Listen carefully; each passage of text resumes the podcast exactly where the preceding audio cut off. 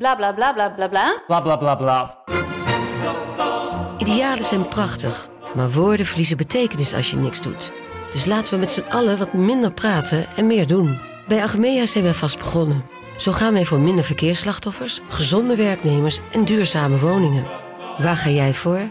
Kijk op www.werkenbijagmea.nl Hey, ik snap dat je je podcast wil luisteren, dus ik zal het kort houden. Want als jij het belangrijk vindt om duurzame keuzes te maken, kan ASR misschien helpen. Nou hoor ik je denken, hoe dan? Nou, bijvoorbeeld bij het duurzaam herstellen van schade. Of de premies die we beleggen volgens ons duurzaam beleggingsbeleid. Dat bepaalt waar we wel en juist niet in investeren. Wil je meer weten over welke duurzame keuzes ASR maakt? Ga dan naar asr.nl slash duurzame keuzes. ASR doet het. Zo, dan kan je nu lekker naar je podcast luisteren.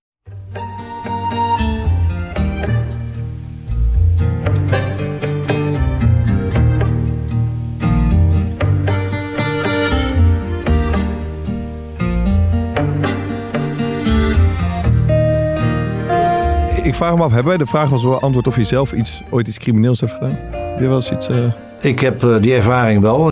misdadig? Natuurlijk hebben we die nou zo'n patiëntjes erbij op mijn oude dag. Ze zeggen niks over. Dat eh, doen we niet. Er is nooit iemand achtergekomen. en dan moeten ze zo houden. Dat is eigenlijk wel een beetje crimineel. Schooien.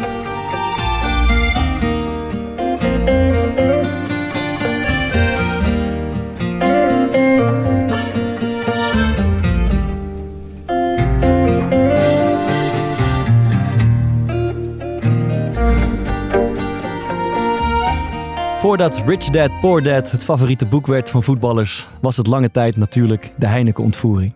En dat is niet geheel toevallig, want de onderwereld heeft de voetballer altijd al aangetrokken. Er is zelfs een zekere verwantschap tussen de twee werelden. Soms met de voetballer als slachtoffer, als zijn Rolex of Panamera wordt geroofd, maar helaas steeds vaker ook als deelnemer in het misdaadcircuit. Hoe raken de voetbalwereld en de onderwereld met elkaar vervlochten? Dat bespreken we met de misdaadverslaggever van het Parool, Paul Vugts. Welkom Paul. Dank je. Leuk dat je er bent. Eh, een heel ander onderwerp eigenlijk eh, voor ons, maar mega interessant volgens mij. Ik zal je even introduceren. Jij volgt eh, alle strafzaken voor, voor het Parool, de krant. Je hebt een misdaadpodcast samen met Wouter Laumans. En je bent fervent Willem II supporter, heb ik me laten vertellen. Nou en of. En het gaat goed daar hè, in Tilburg. Nu wel. Nu wel. Wij, wij vragen ons altijd af als we een gast hebben die niet direct uit de voetbalwereld komt. Met wat voor voetballer zouden we te maken hebben? En dan gaan we altijd even een rondje gokken. Als we kijken naar Paul Vught, jongens, wat, wat hebben we, waar hebben we dan mee te maken? Ik denk een heel gemeen bekkie. ja, bij- ja, ja. Ja, toch? Ja, zo'n hele handig, handig nummer, eh, nummer 10, denk ik. Ik denk toch ook gewoon een Becky. kuitenbijter, Kuitenbijter, Becky. kuitenbijter op rechts. Pitbull. Dat klopt, hè? Moet ik nu de antwoorden Ja, geven? zeker, ja. Ja. nee. Eh, in mijn eh belabberde elftal noemen ze me Gaza, maar dan naar Cascoin. Maar Ja, ja. niet omdat ik goed kan voetballen, maar vanwege de gemeenheid. En nee, ik ben absoluut een slechte rechtsback. En eh, het fenomeen paaltje komt één of twee keer in de week eh, voor. Een paaltje is een eh, trap na die echt heel dom is. Oké, je bent een wilde bras. eh, Ja. Oké, Ja. oké. Ja, Ik denk, voordat we de, de diepte in gaan duiken straks, is er iets in de, dus vragen Thomas en Bart vooral, eh, iets in de voetballerij waarvan je zelf zegt, dat is eigenlijk wel een beetje crimineel of dat zou verboden moeten worden? Ehm, Dan denk ik zelf goeie- bijvoorbeeld, goeie vraag, ja. bijvoorbeeld aan afgelopen zaterdag is het drie graden en het regent keihard en dat er dan geen droog tenuutje is. Ja, ja, ja. Oh, dat is best Daar zou ik een straf op willen zetten. Ik, ik denk ehm eh, uitwedstrijd verloren en dan naar je eigen publiek moeten in het uitvak. En dan de middelvingers en wegwerpgewaren in ontvangst nemen. En dan ook niet weten hoe je moet kijken. En dan zo'n zo'n dankbaar eh, applausje te, eruit te moeten persen. Dat, dat, dat moet zeker Gooi je verboden nooit een worden. wegwerpgebaartje dan? Nee, dat heb ik nooit gedaan. Nee. nee. Ik, heb nog, ik heb nog eentje eh, richting alle trainers. Ehm, een vrije dag beloven mits je de wedstrijd wint. Ja, die is, oh, Ja, jij zegt dat werkt nooit. Die van nee, maar ook je kan het, je kan het niet opbouwen. Het werkt ook nooit. Je kan, je kan, je kan niks. En je moet hem Plannen uiteindelijk natuurlijk. altijd alsnog geven ook. Ja, waarschijnlijk wel, ja. Thomas, heb jij nog iets wat, wat Ja, absoluut club, clubgrensrechters. behalve, behalve die van onszelf, maar Ja. ja, dat is denk ik bij alle, allergrootste ergernis. Ik kan me voorstellen. Even tussendoor het grensje wat jij via de podcast hebt geregeld is eh, vrij succesvol zou ik willen zeggen. Ja, die is al, die is al twee keer geweest eh, nu inmiddels. En, eh, En hij is kampioen geworden al. hij is kampioen geworden. Ja, dat is denk ik de snelste, de snelste kampioen maar maken wacht, alle want jij komt net binnen, Thomas, en je zei even tussen neus en lippen door, ik ben kampioen geworden, maar het is, is november. Hoe, hoe, hoe zit dat? Hoe werkt dat? Eh, ja, de- je speelt met die onder 21 competities, eh, twee competities in één jaar. Dus eentje voor de winter en eentje na de winter.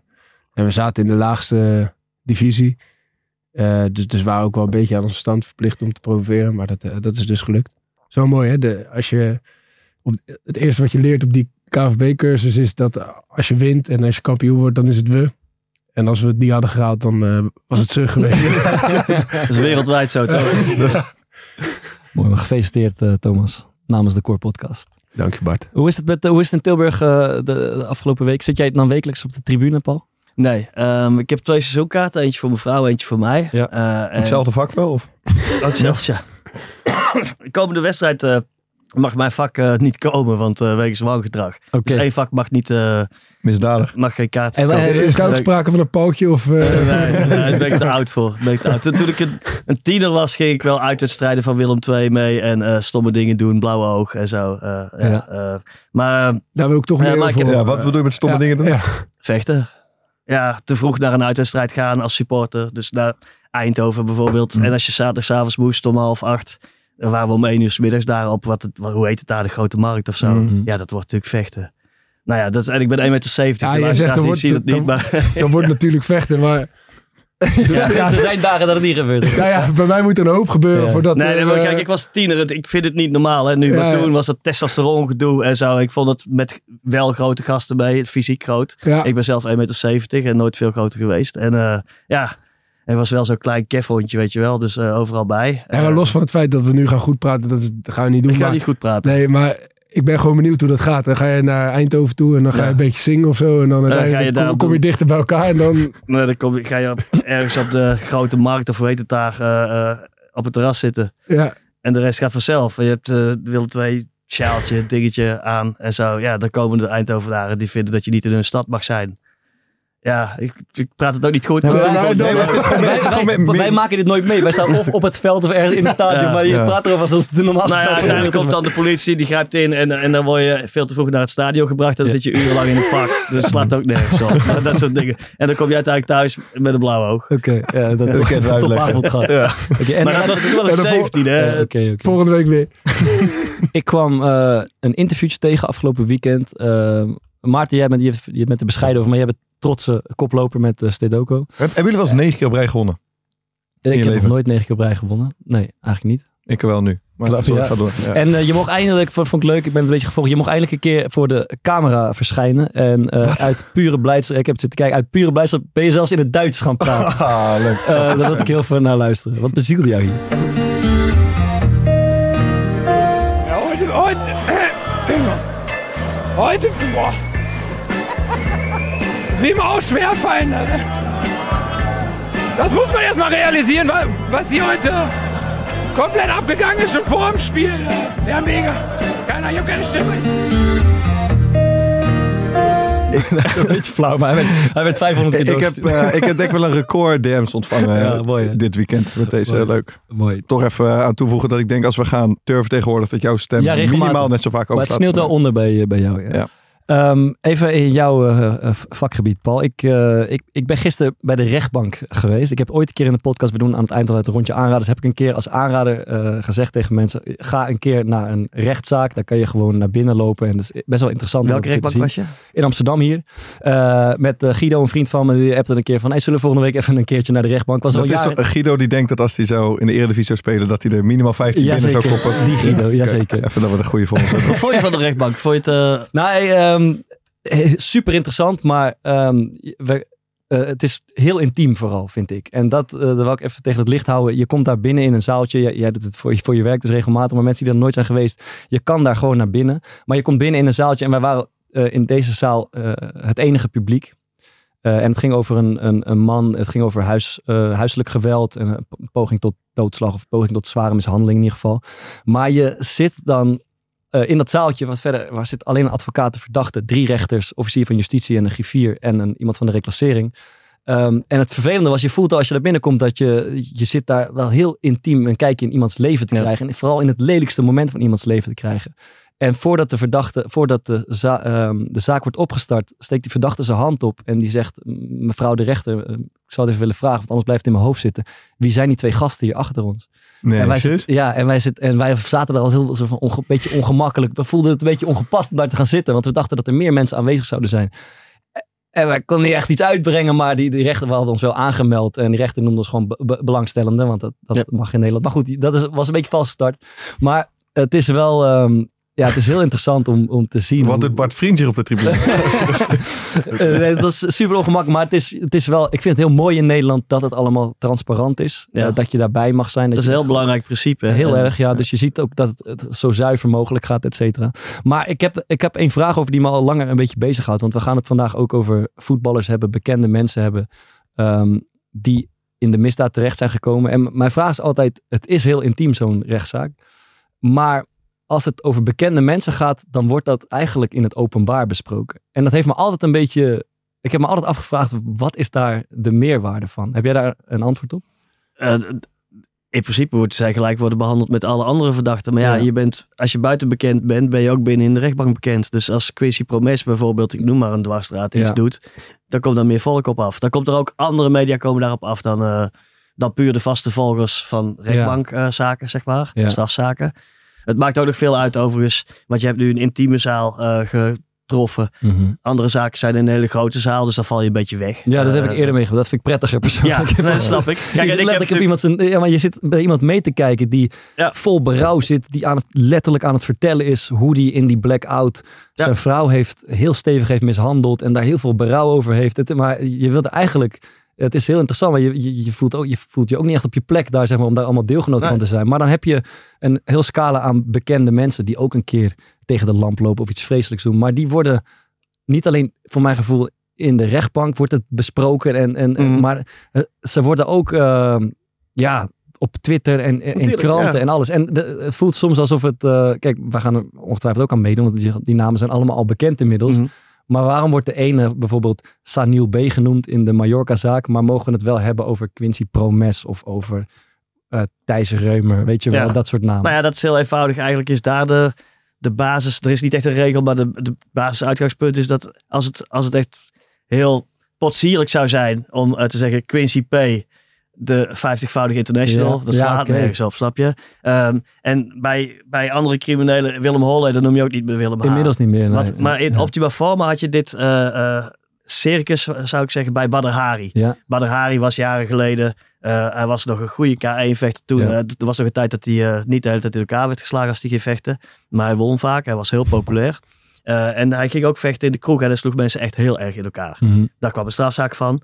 En dan komen wij als zeg maar reguliere eh, verslaggevers, die heel vaak in de rechtbank zijn. Ja. Maar er komt ook shownieuws en weet ik veel. Ja. Zijn advocaat toen was Benedict Fiek. Ja. En die trok het totaal niet. Dat daar ja, ook zeg maar de, wat nu Yvonne Kolderwijk Ja, ja, eh, is. tuurlijk, eh, ja. Juice-achtige Ja. mensen en de story en weet ik wat. En dat kreeg zo'n rare dynamiek. Want er waren mensen die zich ook niet wisten te gedragen in, Mhm. de, eh, in de rechtszaal. Je wordt geacht ook als media je mond te houden en, en Ja. te luisteren. Niet met deel te nemen aan het. En er gebeurden de gekste dingen. Mensen wierpen zich op als belangenbehartiger van Oh, hem God, en zo. ja. Ook Evert Santegoed, zo'n roddelkoning, Ja. weet je wel. Ja, ehm, er was nog een of andere type Yves Geiraat, eh, die vroeger de miljonair Ja, die podcast maken. Ja, die maakt podcast maken. ja, die maakt ja. ook een podcast met Ja. samen met Erik de Vlieger, geloof Ja, ik. ja, ja, nou ja, ja. die kwam zich ook weer even How do I make this about me eh, opwerpen. Ehm, Oké. Dus dat was een hele vreemde dynamiek. Ja. En dan sta je daar als... Kijk, en Badr mooi zichzelf verdedigen hoor. Maar ik, dat had ik wel te doen met hem. Van wat heb jij allemaal voor types om je heen? Maar Ja. dat kwam ook. Hij was ook nog een celebrity. Mhm. Hij ging toen met Estelle Gullit. Ja. Of Estelle Kruijf. Of hoe Ja. je dat die keer moest noemen. Maar, eh, en eh, eh, ja, society-achtig gedoe. Dus dat was in optima forma wat je niet wilt eigenlijk. en. Benedict Fiek kwam soms aan en die kwam soms bij ons. Dat ze dan een beetje de nette pers, zeg maar. Schuilen van, wie zijn die mensen? Nou ja, dat, zeiden wij, dat weten wij ook niet. Eh, Ja. Dat ging wel arrogant doen. Maar dat, eh, dat is een heel rare dynamiek. Ja. Maar zou het geen idee zijn om eh, als persoon een bepaalde bekendheid hebben om dan zo'n proces achter gesloten deuren te Nee. doen? Nee, want het is een van de belangrijkste basisprincipes van, het recht, van de rechtspraak dat het in de openbaar is. Kijk, je moet je voorstellen, eh, heel vroeger was het zeg maar op het centrale plein in de stad, weet je wel. De mensen konden komen Ja. kijken hoe er recht werd gedaan. Dus iemand heeft iets slecht gedaan tegen de maatschappij. Mhm. En in het openbaar gaat daar iemand die daarvoor is aangesteld op een eh, neutrale, nette manier over oordelen. En dan kan iedereen komen kijken of diegene, de rechter, dat ook goed doet. En of de officier van justitie het goed doet. Eh, dat is een, een bazaal principe. Dat, dat maakt dat alleen jeugdrecht, dus echt kinderen, dus onder de 18 in Mhm. principe kun je daar niet bij. Kun je wel weer bij de uitspraak, dat is wel weer een beetje dubbel Mhm. eh, eh, daaraan. Eh, Maar, maar ik, ik kan wel begrijpen waarom, waarom dat openbaar is, maar is het dan ook echt bedoeld om types zoals Bart en eh, zijn maat in, in, in, de, in de rechtbank te hebben die... Nou, kijk, het is niet bedoeld als entertainment, maar het is wel bedoeld als eh, eh, als je wil zien hoe de rechtspraak werkt, dan Ja. kan dat. Dan kun je gewoon komen. En dat, is- dat is de bedoeling. En ik neem aan dat je fatsoenlijk gedragen hebt. Dus eh, ik heb het zeker fatsoenlijk gedaan. Nee, ja, het is, eh, er komen studenten, Ja, rechten, studenten, journalistiek studenten. Maar je, je kan ik wil het omdraaien. Ik zou vinden dat, dat het bij maatschappijleer elke leerling één keer in de rechtbank zou moeten Ja. kijken bij een zaak. Om Nee, te kijken hoe dat werkt. Ik vind het echt een heel mooie dynamiek. Eh, dus dus eh, verdachte spreekt, de rechters stellen heel veel vragen. En zij, de, wat ik mooi vind is, de rechters die eh, moeten een soort... spreken heel empathisch met de verdachte die iets vreselijks heeft gedaan. Maar moeten aan het eind van de rit wel een, gewoon een coole afrekening maken, Ja. zeg maar. Dus dat is een mooi spel tussen Ja. gewoon iemand als mens behandelen en aardige vragen stellen. Maar aan het eind van de rit wel gewoon bij de feiten blijven en Ja. daar een afrekening over En- maken. Echt mooi. En zelfs hele eh, beroepscriminelen die heel lang in het vak zitten, Ja. laat ik een willekeurige Willem Holleder eh, Ja. noemen, die kunnen zich daarop verkijken. Ja. Dus die denkt tijdens de hele rechtszaak, die heel erg lang heeft geduurd, Ik heb natuurlijk, ze te hey, pakken. ik heb echt een klik met eh, Ja. eh, de voorzitter van de rechtbank. Die voorzitter, eh, meneer Frank Wieland, is ook echt heel goed. Die Ja. probeert, hij noemt dat een ellips te maken rond de verdachte en hemzelf. Dus al de rest weg te denken. En dat je echt samen in, in de rechtszaak zit, zeg maar, in een verhoor. En Holleder, eh, die, die leek heel erg het gevoel te krijgen, hij was op zijn gemak, hij maakte zijn grapjes Ja. en zo. En uiteindelijk, baf, levenslang. Ik merk dat gisteren ook. Ja. Nooit meer naar buiten. Ja, ja. ja wonderlijk, ja. Maar ja, tot, eh, tot slot hier over dat, het feit dat het over bekende... Ik, als het over bekende mensen gaat, dan, dan dient het voor mijn gevoel geen enkel ander doel dan eh, de consument die ervan smult, zeg maar. Ja. Maar het recht is er helemaal niet bij gediend en het slachtoffer niet en de verdachte ook niet. Nee, het is daarom, het recht is ook zo niet bedoeld. Ja. Maar je kunt niet ineens eh, iemand, omdat hij bekend is, een eh, uitzonderingspositie geven en de deuren en het dicht doen. geheim houden, Want ja. wanneer, en wanneer ben je dan bekend? Is Roel- Dries Roelvink nog bekend genoeg om Nee, eh die shownieuws te krijgen? kijken bij, bij een rechtszaak, dan... eh, Ja, Oké, ehm, ja, dan wie, wie, wie schrijft over zware misdaad en dat, dat doe je, kan, kan ook tegen bedreigingen aanlopen. En eh, dat is jou ook overkomen. Eh, want we lazen dat jij eh, een tijd lang s- de zwaarste bedreiging, eh, of sorry, de zwaarste beveiliging hebt gehad. ja, dat klopt. Ehm, en ook in een safe house eh, he- hebt moeten wonen een tijd lang. Ja, dat is, ik begrijp dat je er niet alles over kan delen, et cetera, maar het is wel razend interessant gewoon voor de mensen die daar nog nooit mee te maken hebben gehad. Maar onze vraag is meer van, stel je zou nu in beveiliging zitten en je zou aan deze podcast van ons deelnemen. Hoe zou dat dan in zijn werk zijn gegaan?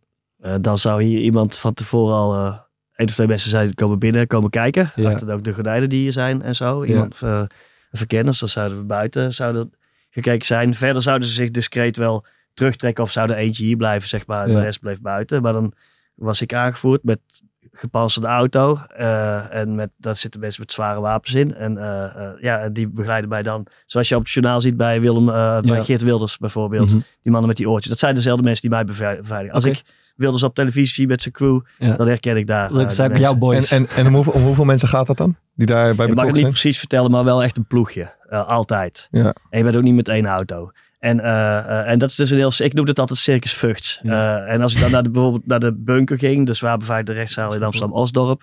Ja, dan kwam met, met die, met die zwaailampen Ja. en sirenes en dan te hard rijden. Dat doen ze altijd. En dan in de, meteen de deur open, de kelder in, paddige kelder in, daar eh, onder parkeren. En te hard rijden doen ze om... eh, Nou ja, dat is een beetje, dat is zoals, ze willen niet stilstaan, ze willen geen verrassingen. Dus snel, zo Ja. snel mogelijk, waar, daar waar je verwacht wordt, eh, Ja. eh, eh, accuraat handelen. en Maar je, je passeert ook de files, begreep ik. eh, ja, ja. kijk, en eh, de, de reden was overigens, misschien is het handig om even te vertellen, Ja. dat, dat een specifieke eh, criminele groepering mij wilde doodschieten, omdat ze wist dat ik dingen wist die de politie niet wist. Mhm. En als ze mij dan zouden doodschieten, zou dat niet bij de staat terechtkomen met alle gevolgen van dien. Dus Ja. het was een zakelijke afweging. Het was niet wraak of zo. Dat is ook de reden waardoor ik het kon afbouwen uiteindelijk. Korte versie van een lang verhaal. Ja. Ehm, want uiteindelijk kwam wat ik wist alsnog. Ja. Na ruim een half jaar via ontsleutelde eh onderliggende berichten en zo. eh, berichten die die gasten elkaar hadden gestuurd.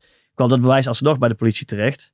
En toen was de reden bij doodschieten weg. En nou, stap voor stap hebben we toen weer Ja. ons leven normaal kunnen. Hebben wel ons huis verkocht, maar prima een nieuw huis gekocht. Ja. En eh, nu ben ik op de fiets. Want, want, want hoe gaat zoiets in eerste instantie? Dan word je gewoon opgebeld, staat er ineens een, een, een, een team voor je deur met een bericht van, joh, je moet nu meekomen, want het gaat, je bent een zwaar gevaar. Nee, juist heel anders. De overheid wist van niks. Ik werd zelf geïnformeerd vanuit het criminele milieu.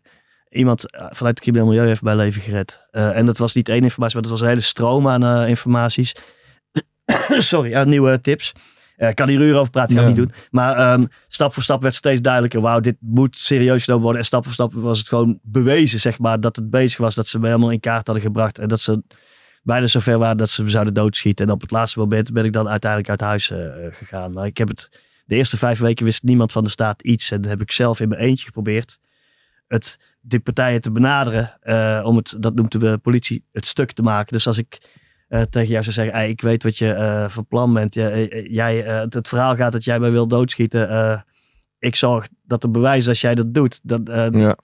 dat uitkomt, dat jij dat gedaan hebt. Dan gaat het niet door, snap je? Nou, dat werkt helaas op deze manier dit keer niet. De angel uit de aanval. Soort van. Ja. De-escaleren, zoals ze dat Ja, zeggen. en dat, maar goed, dat was dit. eh, dat ging niet. Ja. Want andere keren lukt dat wel. En het is ook niet dat ik. Dus, ik werd juist niet bedreigd in de zin van. Niemand ging mij van hun zeggen. Mhm. Jij gaat dood. Nee, het is veel erger.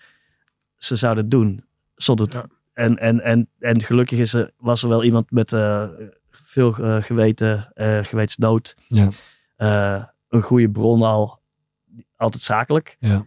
Die, en dat verpla- verspreid over weken kwam er steeds meer informatie waardoor het, het was helemaal duidelijk wie en hoe ze me hadden eh, geobserveerd en waar en, en wat- nou, van alles. En dat kon niet anders en toen nou, kom je in een safehouse terecht en voor het eerst in ons leven hadden we vloerverwarming in de badkamer en buiten is dat, is En, dat, eh, wij- ik stel me een, een hutje op de hei bij voor me, of is dat een heel gewoon onopvallend huis in, in een... Nee, in, daar mag ik verder zelf, Dat kan me niet meer over zeggen dan dat het, dat eh, we zaten in luxe, en, eh, maar wel een eind weg. Dus dan En moest, vloerverwarming.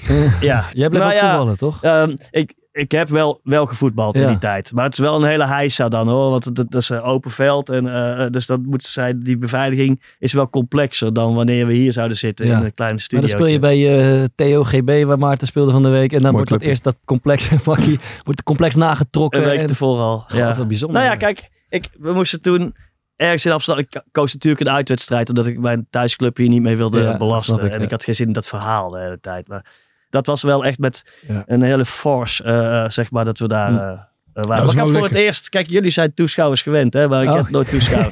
Dus voor het eerst waren er betaalde, niet betalende, maar betaalde bezoekers. Het is toch mij. spannend dan ineens, Paul, als er mensen zitten te kijken, of niet? En, en wat Ik schoot nog een eh, pingel.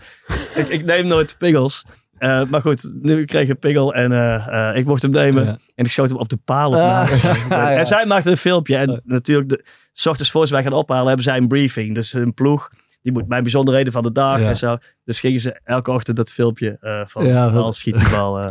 Die gozer gaan we niet meer En beveiligen. ze hadden ook gezegd, het eerste wat gebeurde, ik ben niet zo handig, eh, en, maar wel gretig voor die bal. Dus er kwam een bal in het midden en veel te lomp, stom overtreding. En toen zeiden zij in de, in de rust, ja, we hebben eigenlijk niet echt goed in onze richtlijnen wat we moeten met door jou gepleegd geweld.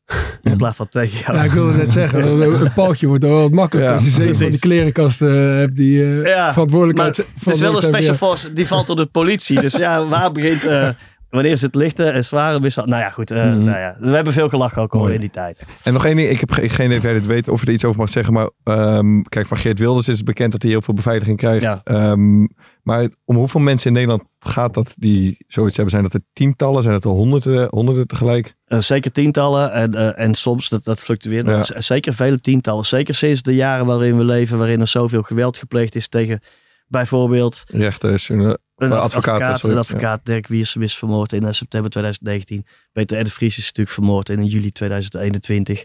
Eh, alles rond dat proces rond Ridwan Taghi is extreem beveiligd. En er zitten advocaten van de kroongetuigen, maar ook de officieren van justitie. En die komen allemaal met speciale beveiliging. Als je Ja. op die dagen dat, dat Taghi er is, bij die bunker komt, dus de beveiligde rechtszaal in Amsterdam-Osdorp, ja, dan is daar een staat van beleg. Dan, dan komen daar allemaal die stoet, stoet naar stoet met eh gepantserde auto's die mensen brengen, de Ja. procesdeelnemers.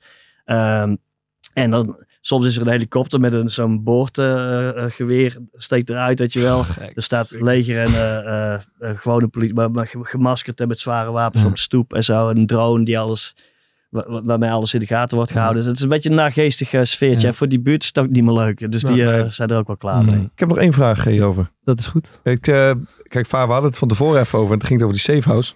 En toen zei hij van, dat lijkt me eigenlijk stiekem wel lekker eens een keer een maandje in de safehouse.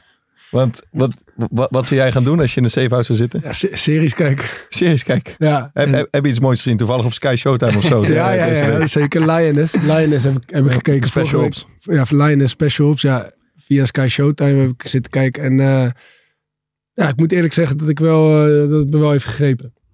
Uiteindelijk. En wat, wat ik tof vind aan die serie, het, is, het, het gaat over eh, nou ja, een team dat special operations doet in het Midden-Oosten. En eh, wat een leuke invalshoek is, is dat eigenlijk alle sleutelpersonages zeg maar, van die serie gespeeld worden door vrouwen. Dus dat, Mooie vrouw. ja, nou, zeker. En, eh, en, en dat maakt het eh, wat, origineler dan, dan normaal. En het is iets, ja, er lopen meerdere verhaallijnen door elkaar. Dus dat vind ik ook wel. uiteindelijk, ja, als je, als je wat langer blijft kijken, dan wordt het wel interessanter. Jij zit weer klaar voor de volgende aflevering. Ja, zeker.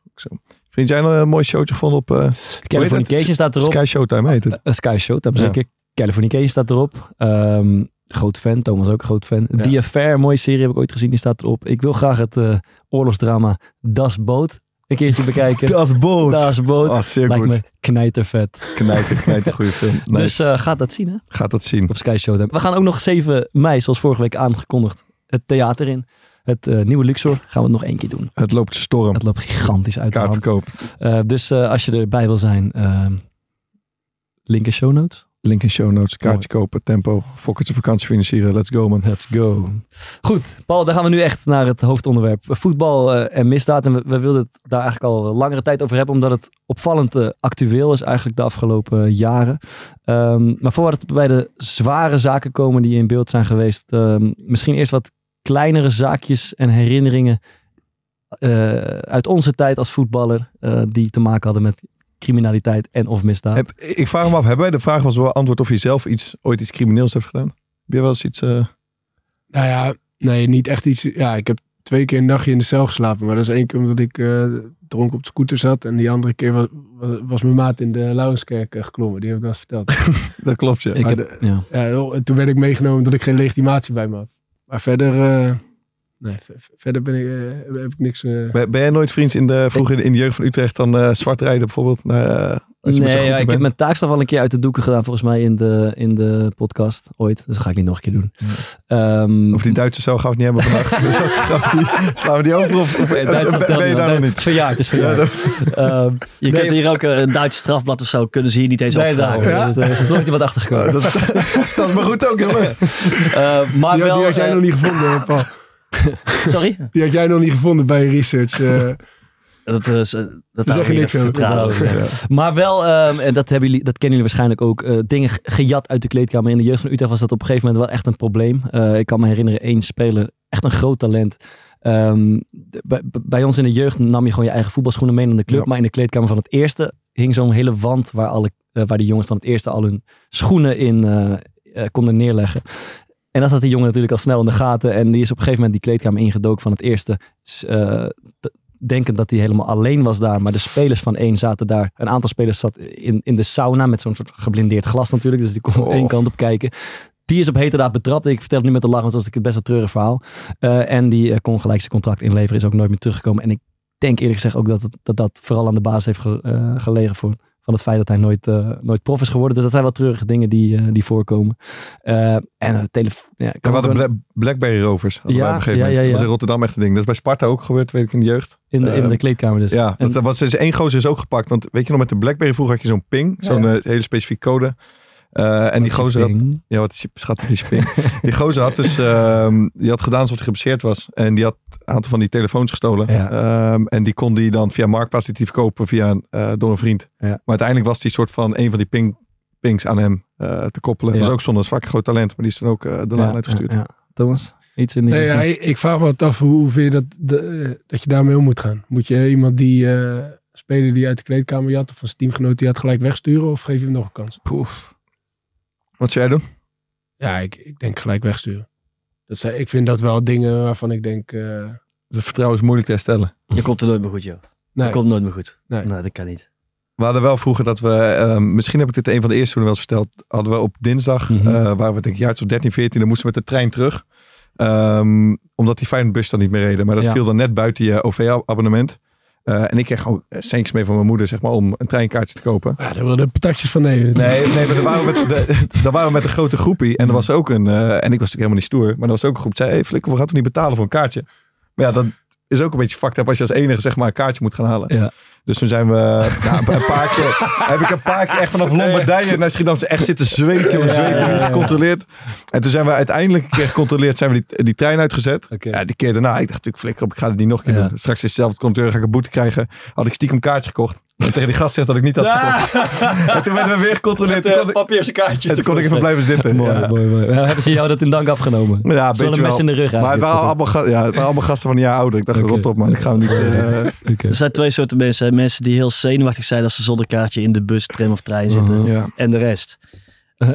De meeste horen bij die eerste groep toch, Ja. maar die Ja. rest die vind je daar cooler eigenlijk, toch? Terwijl het uiteraard, je, je wordt pas heel, veel, veel later als je ouder wordt, denk je, eigenlijk ben ik cool als ik betaal, toch? Dan Ja. rijdt het ding dit voor. Maar Schooier. ja, Ja, maar die, groep, die groeps, de groepsdruk is ook Ja, op die, leeftijd wel echt een, eh, ja. echt een serieus ding. ja. Eh, dan eh, wat serieuzere zaken. Ik, ik doe even een greep uit het nieuws van de afgelopen jaren zo'n beetje. Benzema schuldig bevonden in afpersingszaak. Tien jaar cel geëist tegen oud-voetballer Mendes da Silva. Geliquideerde oud-voetballer Meijnard is bekende van de politie. Iataren opgepakt op verdenking van mishandeling. Paul Pogba afgeperst door eigen broer. En je, kan eigenlijk eindeloos doorgaan. Ja. Er zijn heel veel van dit soort zaken in het nieuws eh, gekomen de laatste jaren. Ja, wat, wat is hier aan de hand? Waarom lach je? Ik wil zeggen, en Bart Vriends duidt het. Wat is hier aan de hand, eh, Paul?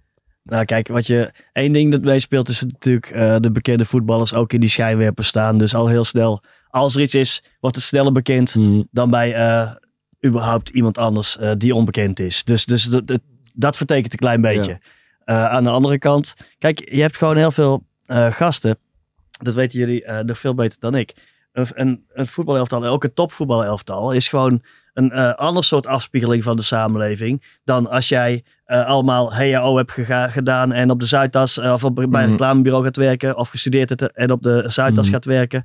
In een, een voetbalelftal zijn soms ook gasten uit een of andere achterstandbuurt. En die kunnen heel goed voetballen en die komen daartussen. Dus die mix is anders. En wat je ziet is dat, dat het heel moeilijk is. Als jij, stel je komt echt ontzettend uit de klote buurt. eh, en je hebt je opgevochten tot voetbal. Super knap. en andere vriendjes van jou, die proberen het. En sommigen lukt het, sommigen niet. Om een beetje een normaal leven te, eh, te leiden.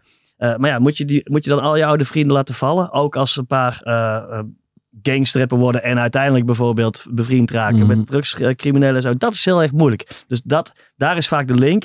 Er zijn twee soorten linken. Eh, wat zijn je jeugdvrienden en, ehm, en wat zijn je interesses? Eh, dat heb ik eerder ook wel beschreven in allerlei artikelen. Kijk, eh, vaak ehm, als je echt de, de top, de miljonairs, de hele jonge miljonairs. Je hebt verschillende types jonge miljonairs. Maar dat zijn bekende rappers bijvoorbeeld. Dat zijn de hele goede voetballers. Ja. En dat zijn criminelen. Ja. Eh, nou, die vinden VIP-tafels leuk in clubs. Die vallen op hetzelfde type vrouwen. Ze vragen dezelfde type binnenhuisarchitect om hun eh, eh, huis in te richten. Ze komen elkaar op die manier tegen. En als je daar gevoelig voor bent, nou ja, dan is misschien ook wel eens grappig om met die gasten naar een kickboxgala te gaan. Er is niks tegen kickboksen, maar dan had je vroeger had je van die VIP-tafels en zo. Nou, er is wel eens een echt heel erg bekende Nederlandse voetballer, die is meermaals gewaarschuwd. Ga nou niet met deze gasten eh, aan een VIP-tafel zitten, want je hebt geen idee wie het zijn.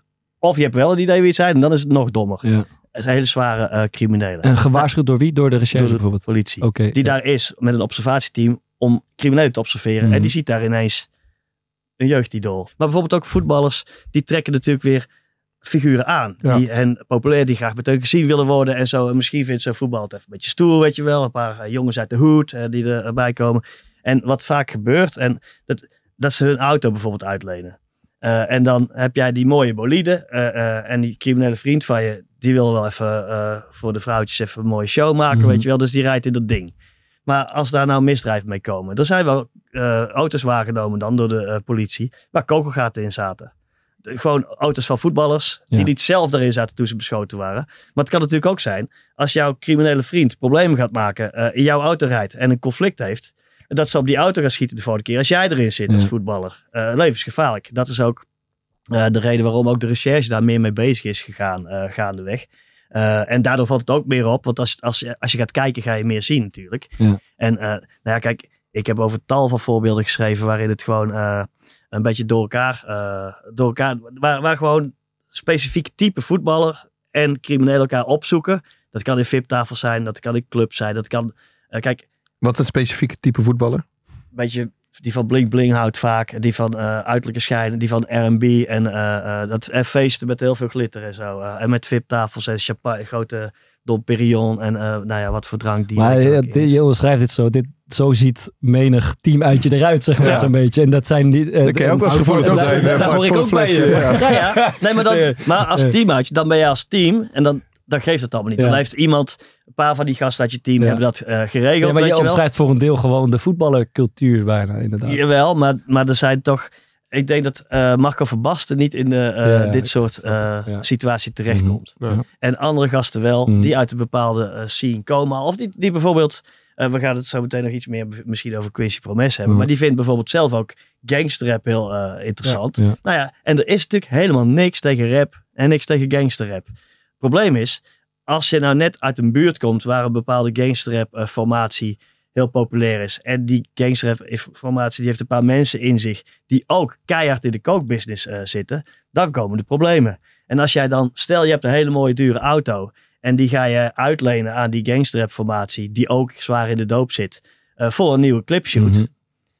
Dan is dat niet zo handig. Ja. Snap je? Nou, dat is gebeurd. Eh, maar en- nog niet crimineel, zeg maar. Dus wanneer Nee, maar dan hang je er dat- tegenaan. Nee, maar Ja. Dus het is een fout. Ja, het, ik is snap het, niet, snap het. het is niet zwart en wit. Ja. Het is niet de deur die je doorgaat naar de onderwereld. Zo werkt het niet. Dus je glipt in een, in een milieu, je raakt bevriend met mensen, je komt in een soort cirkel van, van mensen Ja. die, waarbij het nog maar een halve stap verwijderd is van iets En soms ben je heel erg rijk, eh, lang geweest, want je kon heel goed voetballen. Daarna is je carrière voorbij. Misschien, misschien ben je iets te veel geld blijven verbrassen. En wil je een bepaalde levensstandaard. En dan denk je, gasten, oh wacht. Eh, nou, dan ga je misschien geld. dingen doen tegen de verkeerde groepen Ja. aanhangen en zo. Gokken. En Ja. sommigen vinden het heel interessant om te gokken. Ja. Ja. en, en dan komen ze ook weer in een andere scene. Ja, het is het- ook een thrill, toch? Het is ook, het is ook gewoon als je de spanning van je voetbalcarrière kwijt bent geraakt, dan eh, kan je je spanning ergens anders vinden. En dan zou de criminaliteit ook een onderdeel van En je bent nog steeds vaak relatief jong. Eh, Ja. Dus eh, misschien ben je midden 30 even verveeld je de hele tijd. De andere is keihard bezig Ja. met CEO Ja. zijn of zo. Ja, en wat, En- wat, wat denk ik ook wel mis- misschien iets mee zou kunnen spelen. Dat, bij, eh, dat hoor ik zelfs bij ons in de kleedkamer. Dat voor de nieuwe generatie. eh, het gaat natuurlijk in de kleedkamer best geregeld over geld. En dan komt er, er wordt als de vraag opgeworpen. Hoeveel wil je later netto verdienen? Ja, wat ja, zou je ja, nodig hebben? ja, en wat ja. is dan. Zeg maar, wat, wat is voor jullie zeg maar een, een redelijk bedrag wat je netto zou willen verdienen later? Dat is een vraag aan ons. Ja. Dus wa- wat je nodig zou hebben, laat ik zo zeggen, wat je nodig hebt om goed te kunnen leven. Ja, gewoon... eh, Ja, Bart, ik ben heel benieuwd. nee. Ja, jij bent ook niet de goede. Jij- jij zit- jij- dan zou ja gewoon 10k netto of zo zeggen ze dan. Maar eh, dat, dat, is natuurlijk... gaat om Ja, jij, jij, jij Ja. zit natuurlijk op zoiets nu. Dus voor jou is niet de goede vraag. Nee, dat, dat bedoel ik. Ja, Nee, dat ja, is de, het. maar je weet, ik drie- snap- drie- 3000 of zo. Ja, precies. Dat zegt dan ook, nou, als ik lekker zou willen leven, zo is 3000. En die gasten, die kijken je aan. Van, hoe, hoe moet Ja. je nou van 3000 euro netto leven? Ja. Ik zeg, ja, Ja. je hebt ook nog een partner, maar die hebben het dan over ehm 7 netto willen ze verdienen. Ja, Ehm, en die zeggen dan van, ja, als ik echt, als ik gewoon de, een beetje kritisch naar kijk, dan zou nou, laten we 5 zeggen. Maar natuurlijk als je met zo'n insteek al eh, ook het leven ingaat, met Ja. luister, ik moet eh, zo snel mogelijk zoveel geld gaan verdienen. Ja, je komt natuurlijk op een gegeven moment komt het best wel, eh, loop je tegen de muur op. Ja. Je gaat dat niet zomaar verdienen. Ja, Ja. je moet profvoetballer worden, maar zo niet voor altijd. En, en dan schurkt dat er misschien ook wel Ja. tegenaan. De, zeg maar, makkelijke manier om geld te verdienen. wo- worden die jongens ook, ook getarget? Want ja, je, ik bedoel, ik kan me ook zo voorstellen dat, dat, dat voetballers, dat geldt niet voor Maarten en mij, maar wel voor Bart, nee, maar die, die, die, verdienen, daar komt natuurlijk maandelijks gewoon een hoop geld binnen. Ja. Nou ja, kijk, Nee, maar Ja, Bart, wat is het? 25 bruto? Wat, nou, gaan we. Nee, maar je ziet het op verschillende manieren. Dat eh, straatgasten graag Ja. met zo iemand ten eerste gezien wil, willen worden, want een bekende voetballer. Mhm. Maar ook, eh, hey, die heeft ook wel eh, genoeg doekoe om eh, daar ja, als je wat nodig hebt, dan... En eh, wat je natuurlijk ook veel ziet, is dat eh, ook voetballers op Insta heel erg laten zien dat ze dure klokken hebben gekocht. En Audemars Piguet, Rolex, eh, en hele chi- chic outfits, maar vooral klokken, kettingen, dingen. Ja, het is natuurlijk wel al meerdere keren voorgekomen. En ook bij zeer bekende eh Nee, voetballers. maar ik bedoel, ik juist andersom. Dat, je, dat je bijvoorbeeld, ja, die jongens komen uit een bepaalde buurt, hebben daar jongens... Geef mij ook wat. Ja, of, of Ja. Nou ja, dat is misschien wel een makkelijke manier om, om ons in te kopen of, of, of weet ik het wat. Dus, de, dus, dus dat eigenlijk op die manier die brug wordt gelegd. Nou ja, dat, dat kan. Maar het kan dus twee kanten uit. Ja. Het kan dus dat je, dat je op die manier langzaam erin wordt getrokken, zeg Ja. maar. Dat straatgasten jou naar zich toe trekken. Maar het kan ook zijn eh, dat, dat, ze je gewoon, dat anderen je gaan beroven gewoon. Omdat je, omdat je bekend bent waar je woont. En, en, en dat je, Ja. eh, weet Ja. ik veel, hoeveel geld aan je pols hebt hangen. Ja, ik, hoor, ik hoorde jou wel, Paul, in een van je podcasts een interessant voorbeeld geven. Waarin dan een, eh, een redelijk jonge voetballer, bijvoorbeeld van Ajax, heeft een Rolex gekocht van 30.000 euro. En vervolgens zegt een van zijn ehm, jeugdvrienden van, nee, weet je wat, ik wil die klok voor jou kopen voor 50.000. Eh, maar het moet wel een cash. En dan is het denk ik inderdaad een hele, ja, misschien wel bijna alle voetballers die, eh, of überhaupt mensen die zouden zeggen, nou op zich, je bent een vriend van mij, dat klinkt als een goede deal en weet je wat, laten we doen.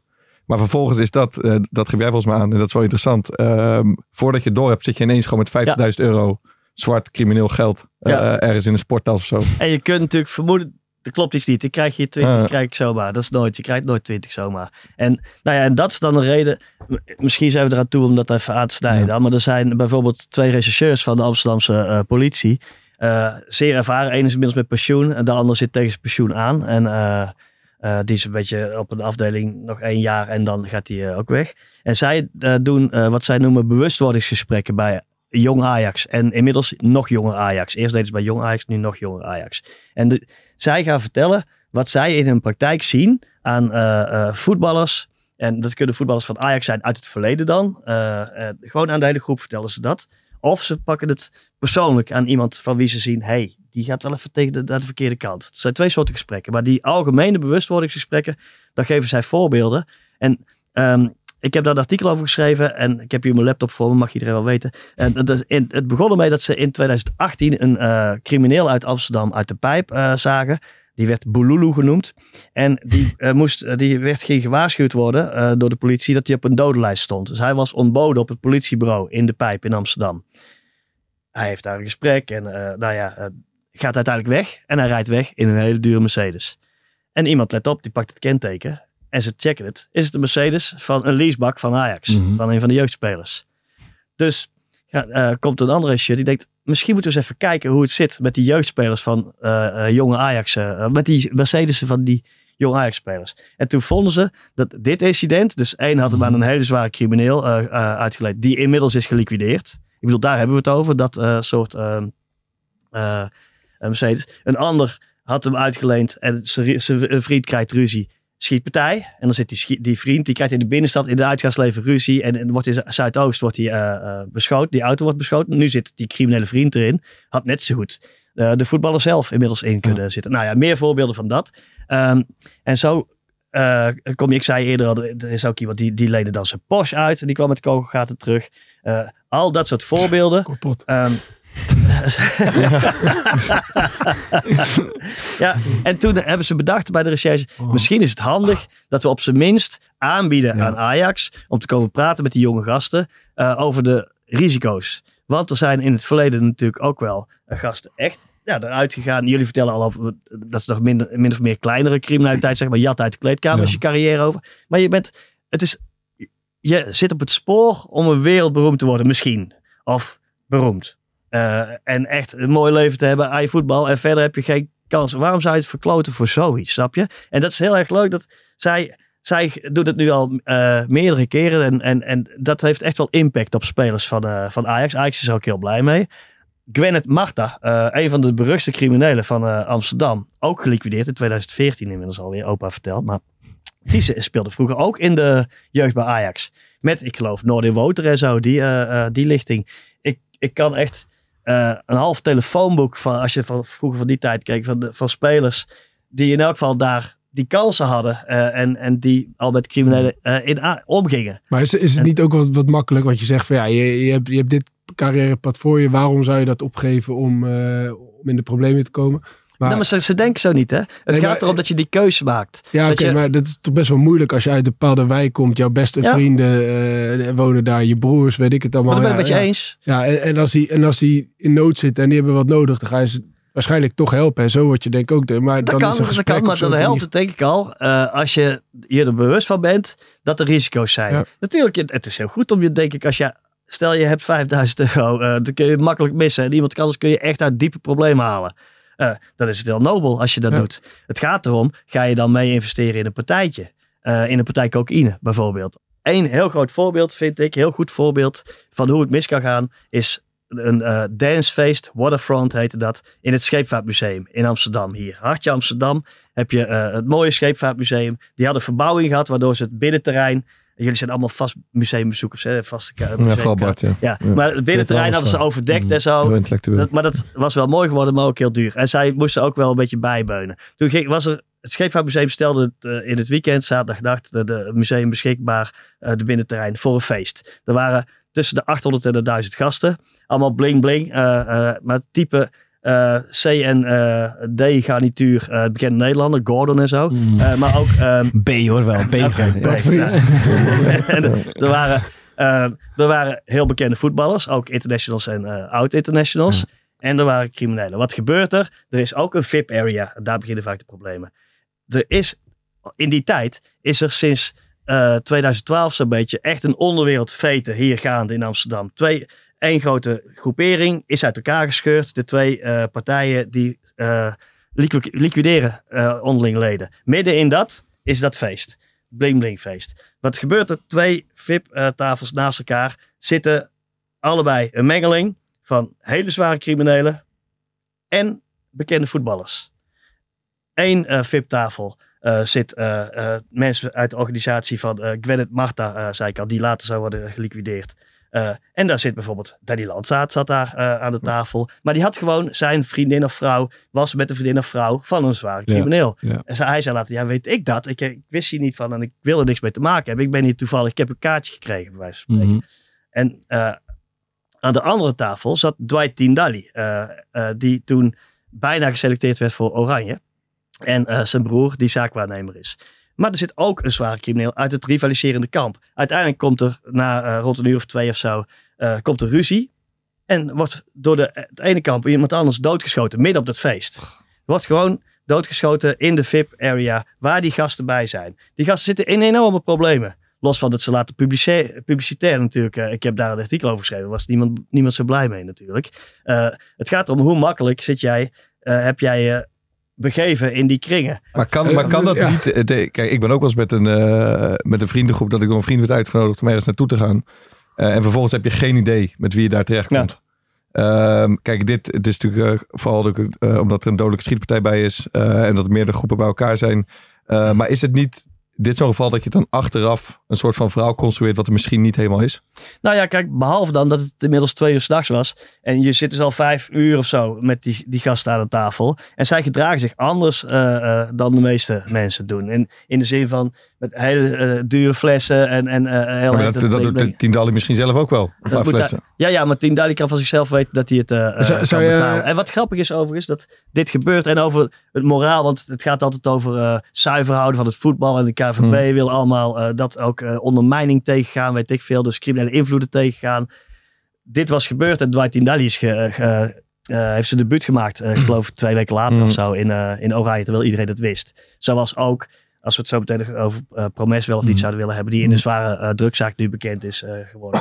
dat de ene trainer hem gewoon blijft opstellen en de andere trainer Ja. zegt, wacht eens even. Als jij dit aan je broek hebt hangen, dan maar even niet in het Nederlands elftal. Maar- Louis Ja. van Gaal. Ja, wat jij zegt, zou jij, stel je wordt uitgenodigd door je maat en eh, VIP, VIP-tafel en je- ben ik er sowieso bij, VIP-tafel. Ja, ja, jij wel. Eh, en je komt daar en eh, aan die tafel waar jij zit, zit, zit Willem Holleder. Ga je, ga je aan die tafel zitten of niet? Ehm, d- dan zou ik me wel echt helemaal de pleuren schikken, man. Dan zou Ja, ik denken... Ja, zou- dan? maar- Ik, ik, ik zou aan die tafel gaan zitten. man. Ja. Ik zou me nog eh, on- onschuldig wanen. Nou ja, dat is spannend, interessant, maar dat is niet per se, er wordt niet gelijk geschoten of geknokt. Toch? Dat ik- nee, dat dus, niet- maar de- dus aan een tafel zitten met bekende criminelen is toch niet eh, Nou ja, het kan. Ja, verwijtbaar? je begeeft je fysiek Ja. rechtstreeks midden in een wereld, zeg maar. Ja. Nou, dat, dat kan ook risico's opleveren, zoals deze risico's dat er ineens een Dat er schietpartij is. En ja. de schietpartij heeft een aanloop, Ja. hè? Dat is niet zomaar één... eh, eh, Nee, oké, maar dus, dus, dus je loopt zelf risico dat je, dat, je, dat je daarin verzeild raakt. Maar het is niet, ik vind het niet, ik bedoel, jij legt een directe link met KNVB. nou, eh, ja. Opstellen wel of niet in oranje. Ja, dat, dat vind ik wel. een gesprek voeren. Ja, Vind maar ik wel. maar- maar- dat vind ik wel. Ja? Kijk, als jij, als jij ehm, bijvoorbeeld Quincy Promes dan, die wordt verdacht in een hele zware. eh, Maar dat is een eh, ander verhaal, toch? Ja, Ja. ja. ja nee, maar vind, vind ook- ik wel een ander verhaal dan aan een VIP-tafel zitten. op het moment dat, ja, dat er een ruzie ontstaat tussen twee rivaliserende bendes. waar jij wel of niet wat van weet. Misschien weet je het wel, maar Nou, dan je kan je alsnog. in, de, in de loop van de avond, het, je maakt, niemand maakt mij wijs dat ze helemaal niet wisten eh, hoe het zat. En ook bijvoorbeeld, Nee, Oké, maar stel je weet wel hoe het zit. Dan, is het, dan heb jij toch, ik bedoel,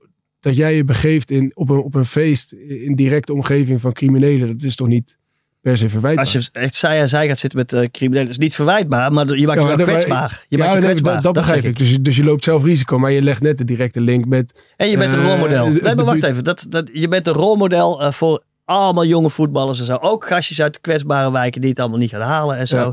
Eh, ik ben hier niet de grote moralist, maar ik denk dat, wel dat je dat moet meewegen. En dat je nou achteraf niet moet zeuren in elk geval. Als dat jou wordt aangerekend van, hey, waarom doe juist, jij zit in deze positie. Waarom, je bent zo ster. Je kunt alles krijgen van de wereld wat je hebt, wat je wil. En je gaat in doop, eh, bijvoorbeeld rechtstreeks in doop eh, eh, investeren. Is weer iets anders dan je auto uitlenen voor een clip Ja, van diezelfde soort groepen uh, gangstrappers die ook kooklijn hebben. Je kunt je daar vragen over stellen of dat eh, verstandig is om Ja, te zo, doen. zo begrijp ik hem wel. Want, want op het moment dat je, dat je dat gaat doen en het wordt genormaliseerd, dan is de, de, de weg naar daadwerkelijk deelnemen natuurlijk ook. eh, Nou, en dan korter. kennen we andere voorbeelden. En helemaal, je ga- gaf er straks een beetje een overzichtje. Je hebt de oud-profvoetballer Kelvin Meijnaert. Eh, wel, weliswaar niet de absolute top, maar toch echt een serieuze profvoetballer geweest. Na zijn carrière verzeild geraakt in een milieu waar hij uiteindelijk geliquideerd wordt in Amsterdam Zuidoost. Is toch doodzonde? Ik bedoel, je hebt, je hebt een prima uitgangspositie eh, gehad om, om, om een start van je. eh, eh, je hebt een, soort basisinkomen al gefourneerd. en je kunt misschien een bedrijfje beginnen, weet ik veel. Kijk, er iedereen moet doen wat hij moet doen. Maar ik word hier gevraagd als misdaadverslaggever om die voorbeelden te geven. En ik vind dat dan zonde voor zo'n Ja. gast. En Ja. staat eh, bekend als, het is altijd zo. Hij was zo vrolijk, op de, hij liep altijd vooraan op de training en zo. En eh, hij was zo'n leuke gast. Ja. Ja. inmiddels is hij wel in een positie dan geraakt waarin hij geliquideerd wordt. Maar als, we- als we heel even terugkomen op ehm, wat je net aangeeft. Dus Tindalli die, die is daar niet per se bij betrokken, maar hij is, hij is daar. En dat onderzoek loopt. Maar hij maakt twee weken later zijn, ehm, zijn debuut voor Nederlands elftal. Dan, ik, ik snap op zich die, die eerste gedachte dat je dan denkt van ja, eh, hallo, die gast is, eh, er, er is een moord geweest en die gozer was erbij. Moet hem dan nu wel opstellen. Maar als je dat van de andere kant bekijkt.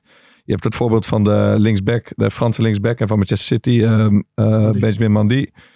Die, is, die werd verd- verdacht van een verkrachtingszaak. Nou, die was al een soort van schuldig bevonden door de hele wereld voordat de uitspraak was gedaan. Die is zijn contract kwijtgeraakt. Die is geen international meer. Die heeft, ik weet, ik weet niet hoe lang die geen wedstrijd heeft mogen spelen. En die wordt vervolgens van alles vrijgesproken. Maar zijn carrière is wel Ja. naar de knop gegaan. Omdat er misschien ook, eh, ik weet er het fijn niet van, maar misschien is er bij hem ook wel te snel, zijn er te snel conclusies Ja. getrokken. Dus er maar- zit ook wel een gevaar in. Ja, maar dan dan- vind ik, je, je moet, dan moet bijvoorbeeld de bondscoach, kijk, dat, dat zo'n voetballer zelf wil spelen, die krijgt eindelijk zijn kans, tuurlijk. En die gaat zeggen, ja, het onderzoek is helemaal niet eh, afgelopen en ik zat daar toevallig en eh, laat me rust, ik wil Hmm. voetballen. Maar als jij het voortdurend hebt over moreel en moraal, ook in, het, in de voetbalwereld, en dat doet de KVB op allerlei vlakken wel. Eh, en dan is zoiets gebeurd en je stelt jezelf niet die vraag. Je, je voert dat gesprek niet. Je gaat niet ook naar de Amsterdamse recherche van is er al iets meer duidelijk. Hebben jullie een beetje een beeld wat hier was? Moord eh, eh, aan, de, Mm. aan de tafel waar hij zat. Ehm, kunnen jullie me een beetje... zullen we het er even over hebben? Over, over wat hier misschien wel of niet gebeurd is. Zodat we een afweging kunnen Ja. maken. Niet gebeurd. En dat is als dan Quincy Promes in de doop zit. En eerst ook en heeft ook zijn neef eh, eh, neergestoken. Midden in coronatijd was er een illegaal feestje in zijn eh, kledingbedrijf. Familiefeest. Daar loopt iets uit de hand. Een oud conflict over een ketting die zou zijn gestolen van een tante. Bla bla bla. Quincy Promes steekt daar zijn neef in zijn knie. Die, die neef kan nooit meer normaal lopen. Dat is een hele nare, vieze wond. Die wordt uiteindelijk veroordeeld tot anderhalf jaar cel. Loopt nog hoger beroep. Ehm, dat speelt al. En in die zaak, eh, die komt heel makkelijk aan het licht. Omdat hij al zijn telefoon wordt afgeluisterd in de verdenkingen van kookzaak. Eh, dus en zo komt eh, aan de orde dat Quincy belt naar familie. En eigenlijk bekend. hè, dat, dat hij, had hem niet in zijn knie willen steken. Had hem in zijn nek willen steken. Hij moest dood eigenlijk, die gast. Maar hij had in elk geval de familie eergered. Dat was wat Quincy zo'n beetje vertelde. In, eh, ik ch- chargeer, of ik vat het een beetje kort samen. Ehm, Deze informatie is, die is vrij toegankelijk. het is, al, Of- het is in ja. een strafzaak onderwerp. Ja, ik, kom hier niet op Quincy Promes. Nee, nee, nee, nee maar ik, ben, te- omdat ik, ik, heb, ik heb de stukken erover gelezen, maar ik vraag me inderdaad gewoon af of dat dan... Eh, misschien is het, ik heb mijn laptopje voor me, dan zal ik even zeggen waar hij van verdacht wordt. Dan hebben we het zuiver. Eh, hij wordt er door justitie van verdacht dat hij heeft geïnvesteerd in twee partijen eh invoer cocaïne van 650 en 712,8 kilo cocaïne via de haven van Antwerpen. Hij zou een van de investeerders zijn. En eh, daar deed justitie stevig bewijs voor te hebben. Eh, die zaak was gaan lopen, dat onderzoek. En toen gebeurde dit in 2020, midden in de coronatijd, eh, dit incident. En daar kwam ineens bewijs op het bordje van de eh, recherche aanwaaien van deze steekpartij. Nou, dus dat kwam erbij. Die twee zaken lopen. Maar waar ik naartoe wil, is dan... ehm, wat doe je dan als zoiets? Dus deze gast heeft volgens de politie zijn neef neergestoken. En die wordt gezien als iemand die groot in de kook zit. Ik weet van mensen die daarbij zitten, eh, weet ik, dat, dat de ene coach heel erg is van, oh, oh, interessant. En dan moet ik aan de, ja, dan moeten we toch eens samen, moeten we echt wat mee tegenover die speler. En de andere denkt alleen maar, fuck, als ik hem maar kan opstellen zondag, weet je wel, hoe, hoe krijg ik dit klein? En eh, ja, zonder het tegendeel bewezen is, is hij natuurlijk onschuldig. Is ook zo, maar je kunt nog steeds wel het eh, gesprek voeren. Dat vind ik interessant om het op zijn minst over te hebben. Ja, laten we heel veel kort luisteren naar de reactie van eh toenmalig Ajax-trainer Erik ten Hag eh, toen dit aan het licht kwam. De club loopt littekens op, Ajax, de laatste weken. Ook deze week weer. Een speler die jij te vuur en te zwaard verdedigd hebt, ehm, is heel lelijk in het nieuws gekomen. Quincy Promes. Doet jou dat wat? Al, eh, Dat als eerste doet mij heel veel. Eh, dat is een ontzettende treurige kwestie. Hè, dat hij daarin verzeld is geraakt. Maar het is nog steeds bij de media. En natuurlijk, het ligt bij de rechter. En laat, De media, ik bedoel, zijn telefoon is afgetapt. Dat, dat gebeurt niet zomaar natuurlijk. Eh, dus daar ben jij van op de hoogte. Dat heb ik toch begrepen. Heb jij dat niet begrepen dan? Ja, maar dat, dat zegt de NOS. Maar ik eh, wacht het oordeel van de rechter af. Jij hecht daar nog geen geloof aan, aan die getapte gesprekken. Nou, ik weet niet hoe de NOS dat weet. En ik denk niet dat de NOS de rechterlijke macht is. Dat is waar. Toch? Wij ook niet. d- het- maar nogmaals, eh, het is heel kwalijk en diep bedroevend dat hij op deze wijze in het nieuws komt. Want ja, die, hij heeft zoveel kwaliteiten. ehm, en hier had hij niet in verzeld moeten raken. En dit is heel slecht voor zijn imago, dat is duidelijk. Ja, kijk, eh, Ajax zit natuurlijk in een heel, eh, heel lastig pakket. Dat, dat snap ik ook. Het is niet, denk ik niet het handigste interview van. eh, Nee, van ze de wilden hem verkopen, hè? Want ze hebben hem uiteindelijk verkocht Ja. eh, eh, aan Rusland, Ja. aan Spartak Moskou. Eh, zodat ze in elk geval nog overhielden. Want ze weten natuurlijk hier in Nederland hebben we niks meer aan. En hij gaat eigenlijk geklemd worden, gearresteerd worden en eh, de bak in. Voor Maar Maar, denk je dat dat, beetje- dat, dat dat erachter zit bij Ja. dit interview van Erik ten Hag? Nou, nee, maar dat, dat is wel... Die dynamiek speelde die, die tijd. eh, en, en dit is natuurlijk een hypocriet interview. Kijk, dan zeg je... Ik kan er nu niks over zeggen. Maar dan ga je toch onmiddellijk... De microfoon gaat uit. Als je, het nog niet, als je niet meer wist dan hij hier... Mm. Nou, ze vertelt natuurlijk eh, niet wat hij weet. Maar dan zou je... Stel, je zou niet genoeg weten. Dan ga je daarna toch vragen aan de politie van... Goh, eh Mhm. de Nos doet, ze- zegt iets over tap of zo. Klopt dat? Weet je wel? Maar ze willen het niet weten. Want dat is allemaal maar problemen, problemen. Die willen Ja, ze ik- ik- weghouden. Eh, zou het denk ook zo toch- kunnen zijn dat Ja. hij, eh, Quincy, gewoon... eh, ik denk dat die elkaar heel goed kennen. Heel goed, Tuurlijk. heel goed. Al, al, dat- al dat- 15 jaar. Ja, dat, nee, maar dat, hij hem gewoon vertrouwt. En, en, Ja, en, dat je- hij dan denkt, als ik nu ga rondvragen, dan is dat toch eigenlijk wel een eh, teken van... eh, Als je, iemand Van echt, wantrouwen. als je iemand echt vertrouwt, dan zou je kunnen rondvragen, want dan was het waarschijnlijk niet waar, toch? Dit was Ja. zo stevig bewijs. Als dat, dat komt allemaal niet zomaar in de. Ja, nee, ja, nee, uiteindelijk achteraf eh, gezien natuurlijk wel. ja, maar dat, kon, dat was toen bekend. hè? Nee, maar ik zou je me wel kunnen weten. voorstellen als trainer, je hebt echt een goede band met iemand opgebouwd en, eh, en, en je vraagt dat gewoon van man tot man. Maar kijk, ik ben En- 100% voor loyaliteit als Ja. jeugdvriend, snap je? Stel, jij bent mijn jeugdvriend, ik ga jou niet afvallen. Ja. Ook tegen Beter Witte in ga ik jou nog niet afvallen. Ja. Maar je bent, je bent een baas, je bent zijn trainer, je bent Ja. vertegenwoordiger. Ja, maar het zijn ook, Ja, maar, ja, maar ja. het zijn ook, natuurlijk, het is een baas en hij vertegenwoordigt Ajax, maar het zijn ook twee individuen die al, ze hebben samen bij Go Ahead gezeten, ze werken al jaren samen, ze hebben Ja. misschien wel een bepaalde vertrouwensrelatie. En dat, dat betekent niet dat je ineens moet gaan goed praten als iemand, iemand anders neersteekt, maar zolang er dan iets loopt en er is nog niet een soort van hard uitgesproken, eh, dit is precies wat er gebeurd is en dit is de waarheid, dan snap ik, ehm, ik snap helemaal wat jij zegt. Maar dan snap ik ook dat het voor Ten Hag op zo'n moment, ehm, die ook allerlei andere dingen aan zijn hoofd heeft. eh, want het is dan moet je niet zeggen, ik zeg er niks over. Sorry. dat, dat, was, dat was misschien beter geweest. Ja. Ik wil je niks over zeggen. Dus zijn woordkeuze is niet helemaal terecht. Maar er wordt ook wel een beetje gesuggereerd dat hij meer wist en dat het tactisch was. Maar, dat Maar heel niet. Ajax was bezig om te kijken hoe kunnen we als beursgenoteerd bedrijf dit groeidiamantje dat kapot blijkt te gaan eh, nog even snel verkopen naar eh Spartak Moskou. eh, zodat wij er nog een centje aan overhouden. Er is notabene een contract hè, waarin dat eh verdisconteerd Ja. is. Dat, dat er allemaal financiële consequenties zouden zijn als hij schuldig bevonden zou Mhm. worden. En weet ik veel. Dat voert allemaal te ver. Ajax wist meer dan, dan hier wordt gesuggereerd. Uiteraard zou ik Maar zeggen. jouw ideale reactie zou dan zijn als, als zo'n spe- eh, speler hiermee te maken heeft als club. Bij voorbaat al eh, die jongen niet Zet hem meer even in de. Zet hem even in de. Ja. En hoe communiceer je daar dan over? Van zolang het onderzoek loopt, stellen we hem Nou, we hebben je, want die, die beschuldigingen waren juist in de media. Hè? Zeggen we, we geven even, even pas op de plaats. Maar dan moet je wel snel handelen. Dan moet je daarna wel. Ik zou als club dan wel naar de recherche gaan. Is er een moment waarop wij die, die taps kunnen inzien en eh, Ja. kunnen zien hoe, zeer jullie, hoe jullie het koppelen aan hem. Ja, ja, ja. Snap maar dan je? ga je als, als, als wat Voor is het, eigen Edwin van rechten Sar, ga je Nee, maar, de nee, maar, nee, de zachte, zitten. zachte eh, heel max, maar, maar je, kunt, je kunt ook hem redden. Mhm. Als, als het is, dat waar zou zijn, wat hij zei, dat het niet gebeurd is. Dan kun je daar in, in een paar dagen kun je dat eh, bij de politie geval horen. Die zeggen, ja, we twijfelen eigenlijk. Misschien is het wel een ander Mhm, familielid, weet je wel, die dit Ja. zegt. Maar dat was niet het geval, hè. Alright, eh, het laatste. Hey, alright, dat is lang geleden. Ik Dat is lekker. zeggen. Die is lekker. Leuk. Ehm, eh, laatste dingetje, eh, super interessant ook. Malafide eigenaars in het amateurvoetbal in Nederland. Vertel. Ehm, kijk, dat is al een, iets wat ik al, al echt 15 jaar echt in de gaten hou, zeg Ja. maar. Er zijn amateurvoetbalclubs. En als je het nou hebt over wat is belangrijk, ook in zwakke wijken, ook in rijke wijken, dat zijn de sportclubs. En in, zeker in eh, zwakke wijken zijn het voornamelijk de voetbalclubs. En wat is er dan erger dan dat een plek waar jonge jongens veilig moeten kunnen sporten en op een gezonde manier eh, moeten kunnen opgroeien, dat die vertiefd raakt door criminele inmenging. Nou, wat gebeurt er? En dat zie je over heel Nederland, maar ik kijk vooral naar regio Amsterdam. En dan zie je gebeuren dat er een club die bijvoorbeeld de vierde klasse speelt of zo, of misschien nog lager.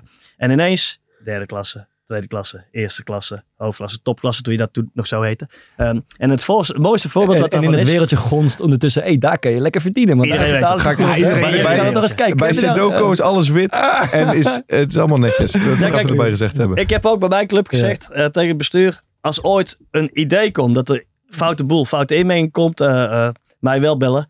En dan, dan gaan we kijken Ga hoe we dat kunnen. schrijven? Nou, gaan, nee, nee, dat niet. Maar dan gaan we kijken hoe we onze club zuiver kunnen houden. Dat is heel belangrijk voor, de, voor al die kinderen en zo daar. Ehm, En ik wil zelf ook rustig zitten in de kantine. Eh, maar nee, een heel goed voorbeeld daarvan, maar het staat symbool voor veel meer. Maar een goed voorbeeld is Turkjemspoor. Ja.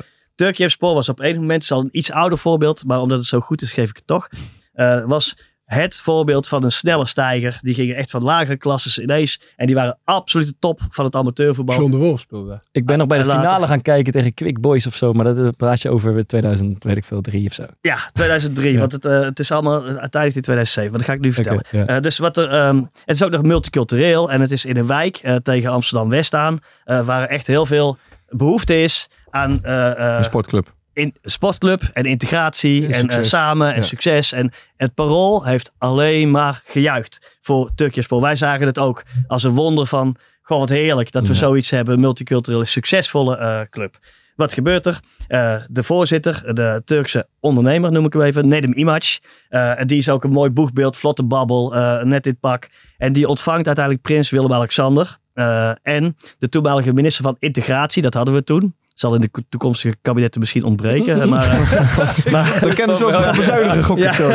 maar eh, eh, Roger van Boksel, hij is nu geloof ik iets hoogs bij, eh, is het NS of zo? Weet ik eigenlijk niet. Maar goed, Roger van Boksel, eh, de minister van eh, Integratie en de kroonprins, die komen ter ere van dit multiculturele festijn daar op de foto natuurlijk. Die foto houdt daar een tijd in de bestuurskamer.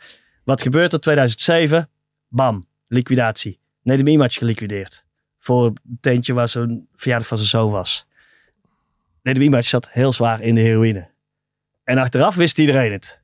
En binnen de politie bijvoorbeeld waren er ook die zeiden, ja, als ik, ga gewoon, ineens ben ik als misdaadverslaggever, eh, kom ik bij het Turkjesport terecht.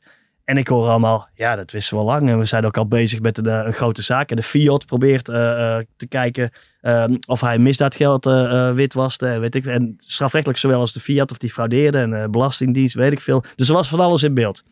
Dat top elftal, de nummer 10, om wie echt Ja. letterlijk alles draaide, Ali Agun. Ali Agun werd vervolgens gearresteerd op verdenking van moordmakelaar te zijn. Liquidaties zouden hebben uh, geantameerd. Hij heeft 3,5 jaar in de EBI gezeten, de extra beveiligde inrichting in Vught. Dus de belangrijkste, uh, de zwaar beveiligde gevangenis van, Hadden wij een luisteraar? van. Nederland. Misschien En- is het hem wel. We hadden, nee, ik zal je zo meteen vertellen. Hij is geliquideerd in eh, eh, Turkije Mm. Maar dus je hebt, wat blijkt, dat het, het hele prachtige eh, eh, glazen kasteel Turkish Sport dondert helemaal in elkaar. Want eh, de voorzitter is een zware crimineel. Het blijkt dat het succes is gewoon gefinancierd met niet gewone envelopjes. Want ook in de amateurvoetbal, dat weet je beter dan ik, mag best een beetje betaald worden. Maar dat moet wel binnen de perken en op een legale manier. Dat, dat was achteraf. allerlei collega's zeiden ja, we zagen het eigenlijk altijd wel. Je zag ook wel dat er hele dikke bakken op, de, op het parkeerterrein stonden die je daar niet zou verwachten. En, en de gast die vaak in het doel stond, Eh, onlangs gearresteerd overigens weer in een kookzaak. Maar eh, Fifi, ja, er was ook een soort bodyguard van eh Nedim Image. Dus dat is een beetje een rare, ongezonde sfeer. Nou, en dat heb je op verschillende plekken. Je hebt in Amsterdam Noord een club gehad. We hoeven niet al die clubs langs, Mm. maar je hebt het nog in Amsterdam Ik heb tegen een paar gespeeld, hè? Nou ja, en eh WKE, Eh, iets voor maar- het ook WK in Emmen. Makerep 90, die zijn eh, heel, heel snel Ja. gekomen, heel snel ook weer verdwenen. FC Oké. Shabab, geloof ik. Shabab was van een koffieshop, eh, een hashhandelaar. En de Eh, Dijk, de die is ook snel gekomen en snel weer Ja. eh, weggegaan. Op de achtergrond een kookzaak. Ja, dat hebben ze toch genoemd. Maar ja, prima. Ja, ik ben van het benoemen. Hè. Dat is mijn Mm. werk. Ja, Ehm, en eh, overigens is degene die bij de dijk toen verantwoordelijk werd geacht, die is wel vrijgesproken van betrokkenheid in de strafrechtelijke zin met drugshandel. Ik eh, zorg even dat jullie geen eh, claims hebben. Dat we eh, volledig, volledig zijn in de... Oh, die was een heel belangrijke laatste zin die je daar toevoegde. Ja, nee, ja, laten we hopen dat het niet in de toekomst verder. En nogmaals, ik ben geen moralist. Hè. Ik vind dat die Mm. thema's bespreekbaar moeten zijn. Als je je mond vol hebt over maatschappelijke verantwoordelijkheid en de strijd tegen invreten van criminelen in de boven. Ja. Ja, en een beetje zwart geld in, die, eh, in de amateurvoetbal met een paar grote enveloppen en tassen. Dat, eh, Hey, man, ik kom uit Tilburg. blijven, dat moeten we blijven aanmoedigen. Ja. ja. Ik kom uit Tilburg, man. Het is gewoon een, eh, wij hebben een hele eh, verleden van smokkelaars. ja. We gaan eh, afsluiten met, eh, met een rondje aanraders. Paul, jij mag van start. Wat Eh, heb je te bieden? Ik heb een boek te bieden. En ook in letterlijk fysieke Oh, eh, zin, want ik heb voor elk van jullie eentje meegenomen. Leuk. Kijk, Even knisperen, ik ben benieuwd wie de schrijver is. dat zou ordinair zijn. Ja, ik heb, we, het hebben het wel gekker meegemaakt, Nee, moet ik zeggen. Dit is net uit. Oh ja. Het is een boek van Royce de Vries, Oh, ja, de zoon van Peter R. de Vries. En eh Royce de Vries, er staat er mooi voorop. Ehm, het, eh, Peter R. de Vries heeft toen hij de kroongetuige in de belangrijkste liquidatiezaak die nu dient, ging bijstaan. Ehm, toen eh, kreeg hij allerlei gedoe natuurlijk zelf met zijn veiligheid. En de familie van die kroongetuige die werd heel slecht eh, beveiligd. De staat maakte daar fout na fout na fout. Peter was Peter. En eh, Peter die documenteerde alles. Die heeft een logboek bijgehouden. Tot aan de verschrikkelijke dag waarop hij zelf in juli 2021 werd neergeschoten. En negen dagen later overleed. Dat logboek is hier uitgegeven door zijn zoon Royce. Mm. Gepaard aan het dagboek van Royce de Vries. En dat ook een soort monument is voor Peter de Vries. Dus ik gun het Royce en de familie eh, de Vries. En postuum ook Peter.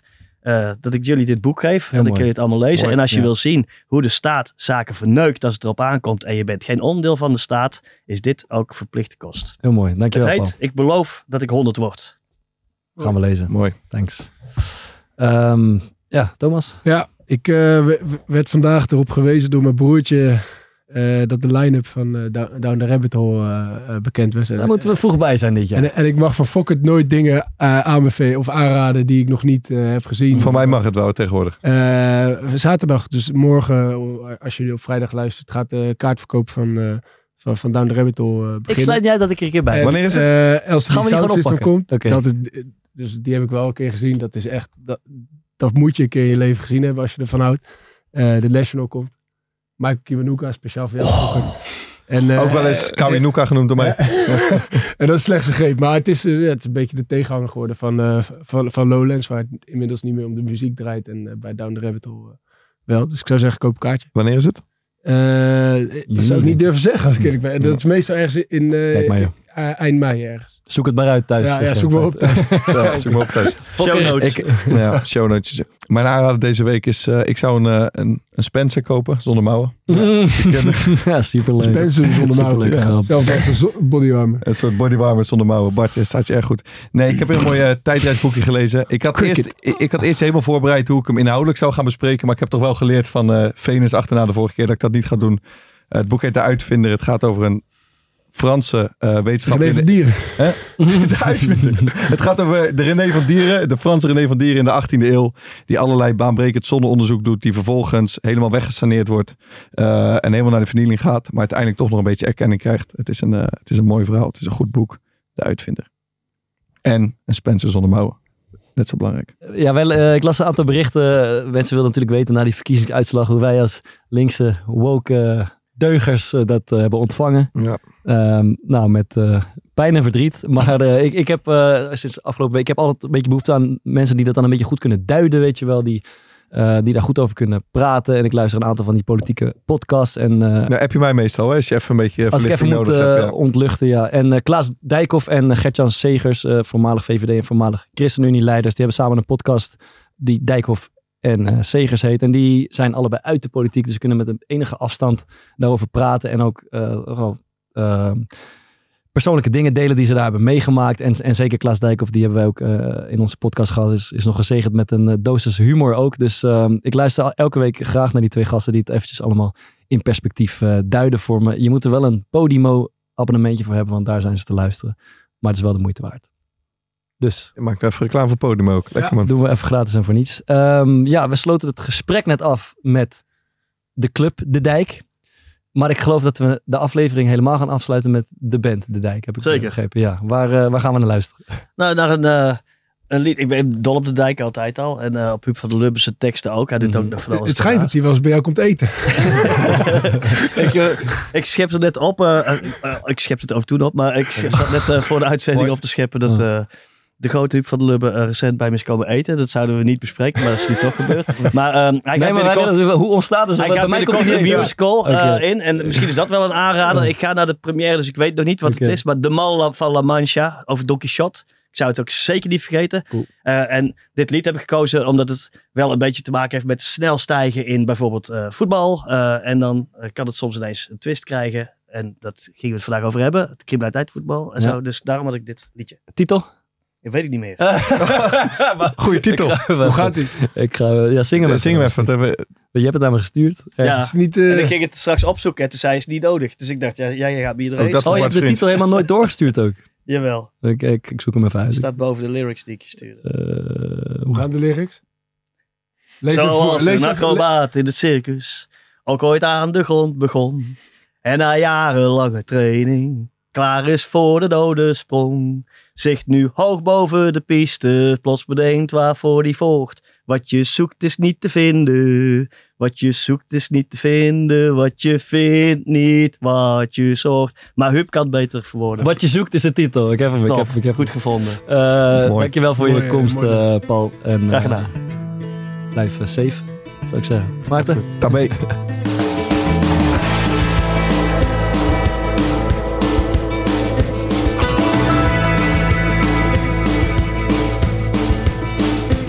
Zoals een acrobaat in het circus ook ooit aan de grond begon. En na jarenlange training klaar is voor de dode sprong.